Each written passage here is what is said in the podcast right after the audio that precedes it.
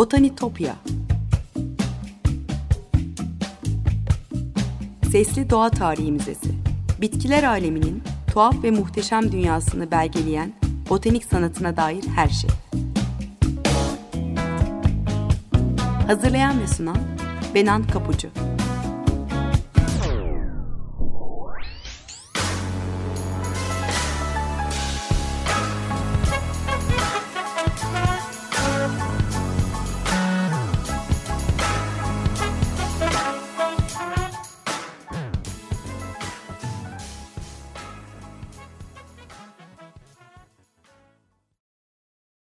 Merhaba sevgili Açık Radyo dinleyicileri.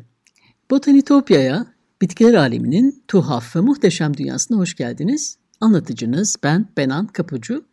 botanitopya.gmail.com elektronik posta adresinden ya da aynı adlı Twitter hesabımdan her zaman bana ulaşabilirim. Yorumlarınızı varsa anlatım konuya dair katkınızı paylaşabilirsiniz.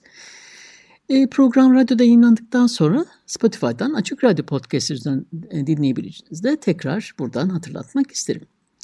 Sevgili dinleyiciler bugün size kestane ağacını anlatacağım. Özellikle bizim toprakların ağacı olan tatlı Anadolu kestanesini konuşacağız. Hem görkemli hem cömert bir ağaç. Bolca meyve veriyor ki biz o meyvelerin tohumlarına bayılıyoruz. Soğuk kış günlerinde sobada kavrulan ya da sokakta mangalda pişirilip külahta satılan kestanelerin kokusu hep mutlu anları çağrıştırıyor bizi. Sadece bizde değil birçok kültürde yeri var bu güzel ağacın ve tatlı yemişlerinin. E, kestane kayıngiller familyasından kastaneye cinsini oluşturan ağaçların ve bu ağaçların yenebilen tohumlarına verilen ad. Anadolu kestanesinin latince adı Castanea sativa. Kastanya adının Yunanistan'ın Tesalya bölgesinde bulunan Kastanya kasabasından kökenlendiği söyleniyor. Yemişler için çok sayıda ağaç yetiştirilmiş bir zamanlar bu bölgede. İkinci adı sativa ise Latince'de insan eliyle yetiştirilen anlamına geliyor. Evcilleştirilmiş olduğunu söylüyor bize. Güney Avrupa ve Anadolu'ya özgü bir ağaç. Hazar Denizi'nden Atlantik Okyanusu'na uzanan Akdeniz bölgesine yetişiyor. Akdeniz'e kıyısı olan Avrupa ülkelerinde örneğin Fransa ve Almanya'da da çok görülüyor.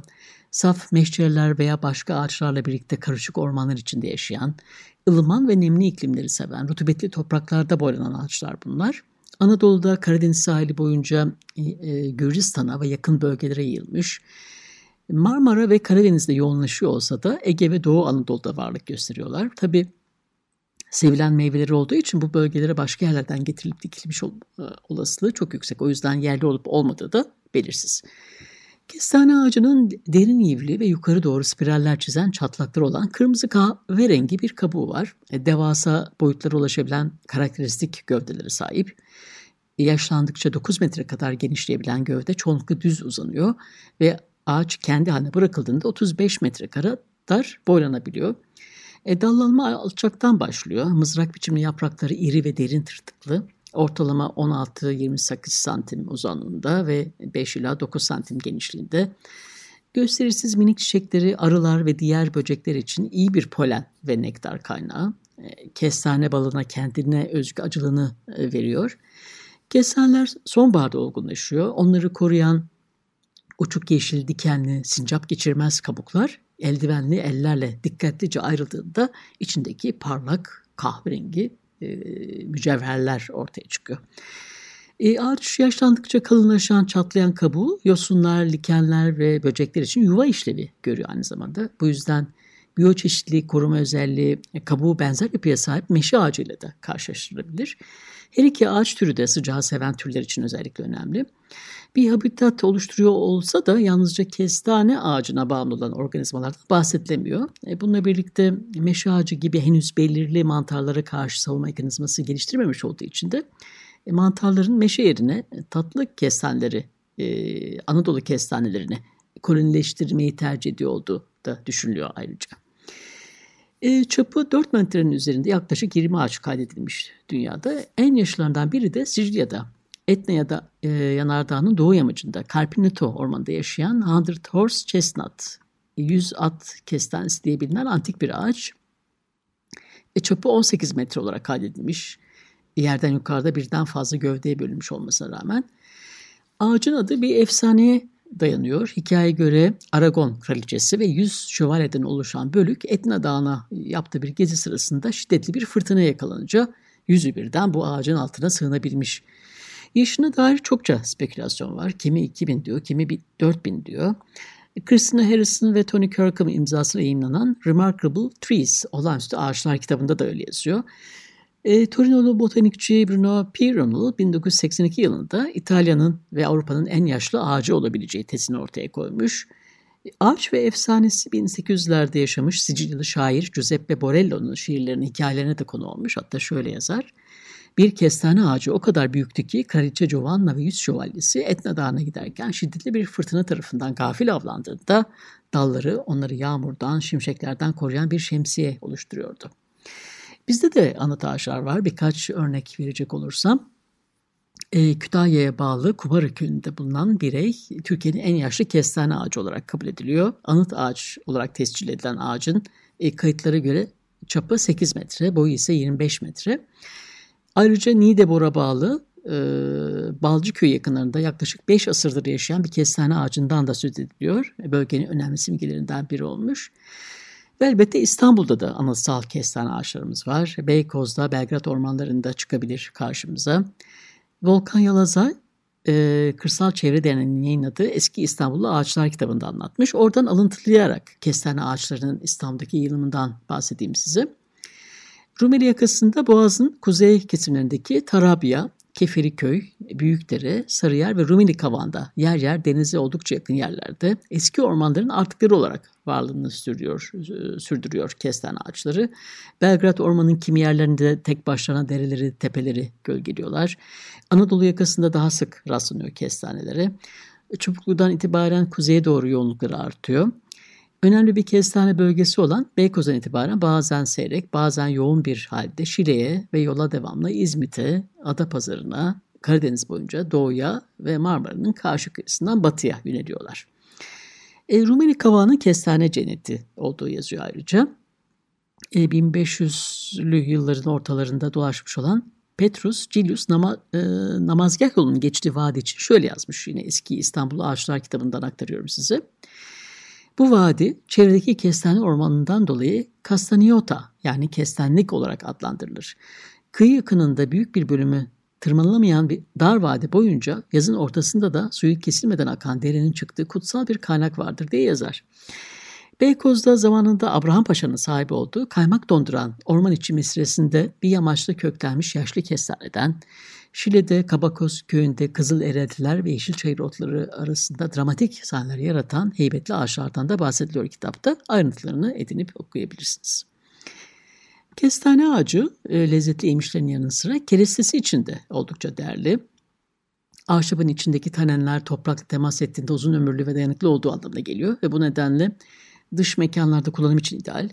E, Karadeniz'in yaylalarında geleneksel mimarisinde kestane e, kolay ulaşılabilen bir malzeme olduğu için de ayrıca çok tercih edilmiş. Suya, yağmura dayanıklı olduğu için tabii onun kerestesi çok e, değerli. O yüzden de maalesef yaşlı ağaçlara pek rastlanmıyor Karadeniz'de. Avrupa'da kaplama malzemesi olarak da kullanılmış. Fransa'nın bazı bölgelerinde kilise kuleleri genellikle kestane kiremitlerle kaplı. Güney Avrupa'da e, balsamik sirkeye yıllandırmak için fıçı yapımında tercih edilmiş kestane ağacı. E, çalı kestanesi, Japon kestanesi, Amerika kestanesi, Çin kestanesi, Doğu kestanesi gibi 10 türü var kestanenin. Ee, uzaktan akraba olan at kestanesi Aesculusipos castanumine de karıştırılıyor çokça. Ama gerçek kestane değil at kestanesi. Hatta zehirli olabiliyor. Ee, yaygın olarak e, kestane ağacıyla karıştırılan başka ağaçlar da var at kestanesinin dışında. Her ikisi de e, kayıngiller familyasından, Fagaceae familyasından olan kestane meşesi, e, Quercus prinus ve Amerikan kayını, Fagus grandifolia gibi. Evet sevgili dinleyiciler bu noktada bir müzik arası verelim. Samida müzik grubundan dinliyoruz. Bahçalarda Kestane. Birkaç dakika sonra tekrar buluşacağız ve hikayemize devam edeceğiz. Merhabalar tekrar. 95.0 Açık Radyo'dasınız. Kestane ağacından, e, Anadolu kestanesinden konuşuyoruz. Kestane ağacının ana vatanına, dünyaya nereden yayıldığına bakarsak, polen verilerine dayanarak yapılan araştırmalar insan faaliyetleri nedeniyle ilk yayılmasının Anadolu'da M.Ö. 2100-2050 yıllarında başladığını gösteriyor. İlk kömür kalıntıları yalnızca M.Ö. 850-950 yıllarına ait kesin bir köken tarihi belirlenmesini çok zorlaştırmış bu elbette.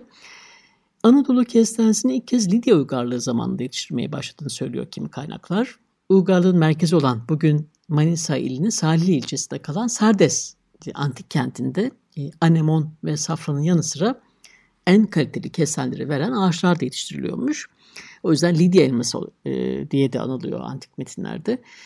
Kestane yüksek nişasta oranı ile doyurucu bir besin olduğu için özellikle Batı Anadolu'da koloniler kuran eski Yunanların, e, antik Yunanların en önemli yiyeceklerinden biri olmuş.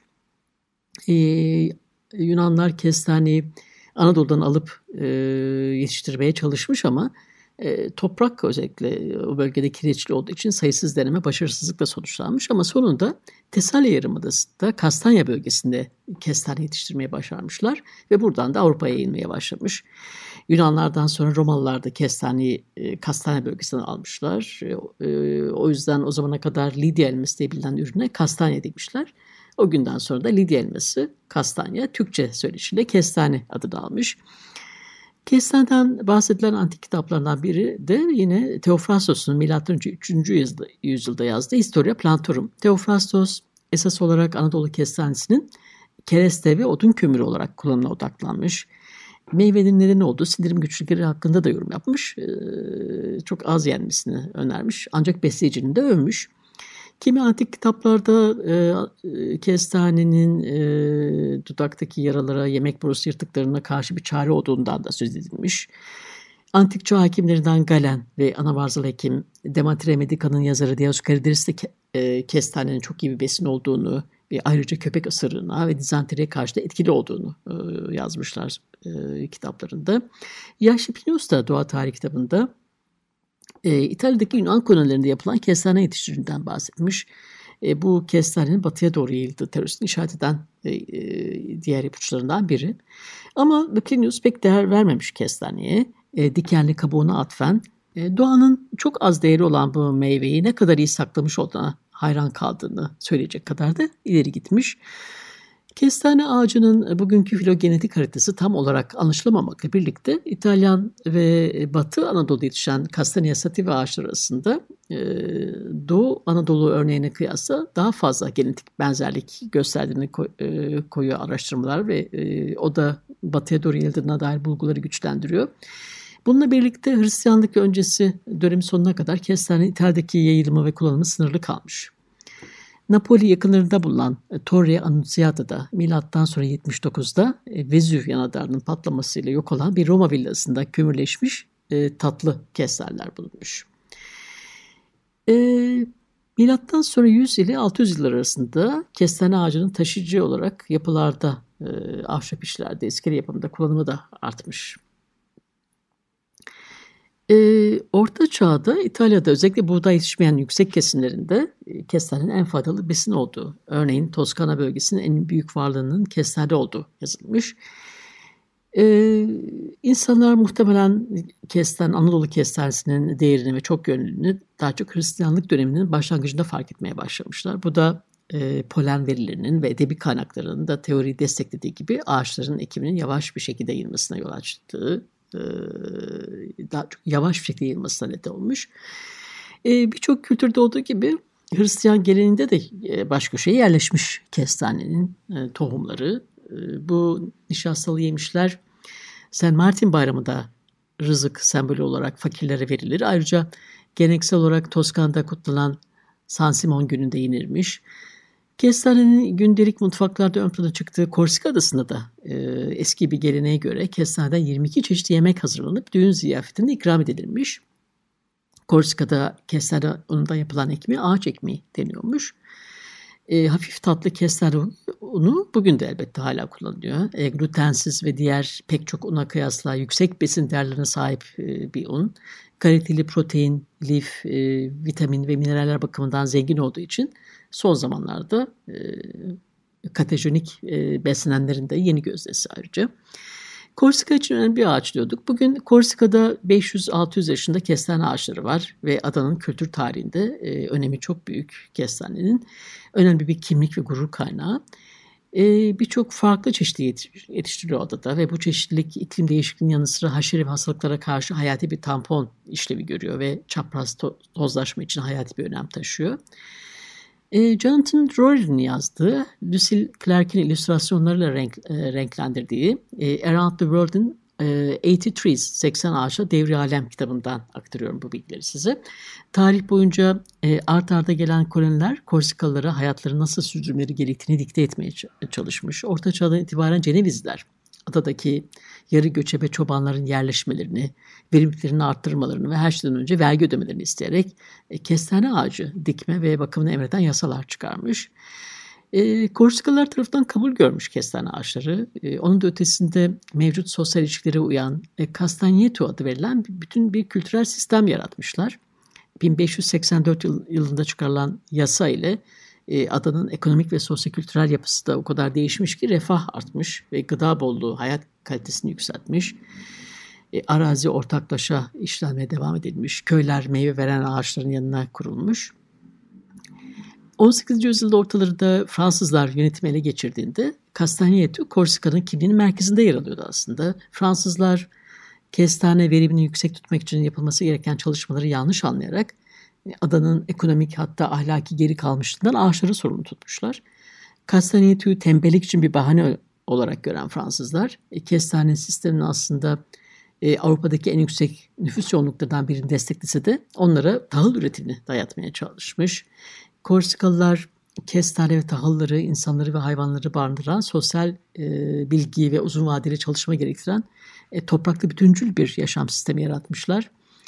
Kestane ağaçları sadece gelecek nesiller için meyve verdiği için alışık oldukları uzun vadeli planlamayı hayatlarına yeniden uyarlamışlar ama Birinci Dünya Savaşı Korsika'nın emeğini de yok eder. Bazı ağaçlar kereste için kesilir. Kalanları da mantar hastalığına yenik düşer.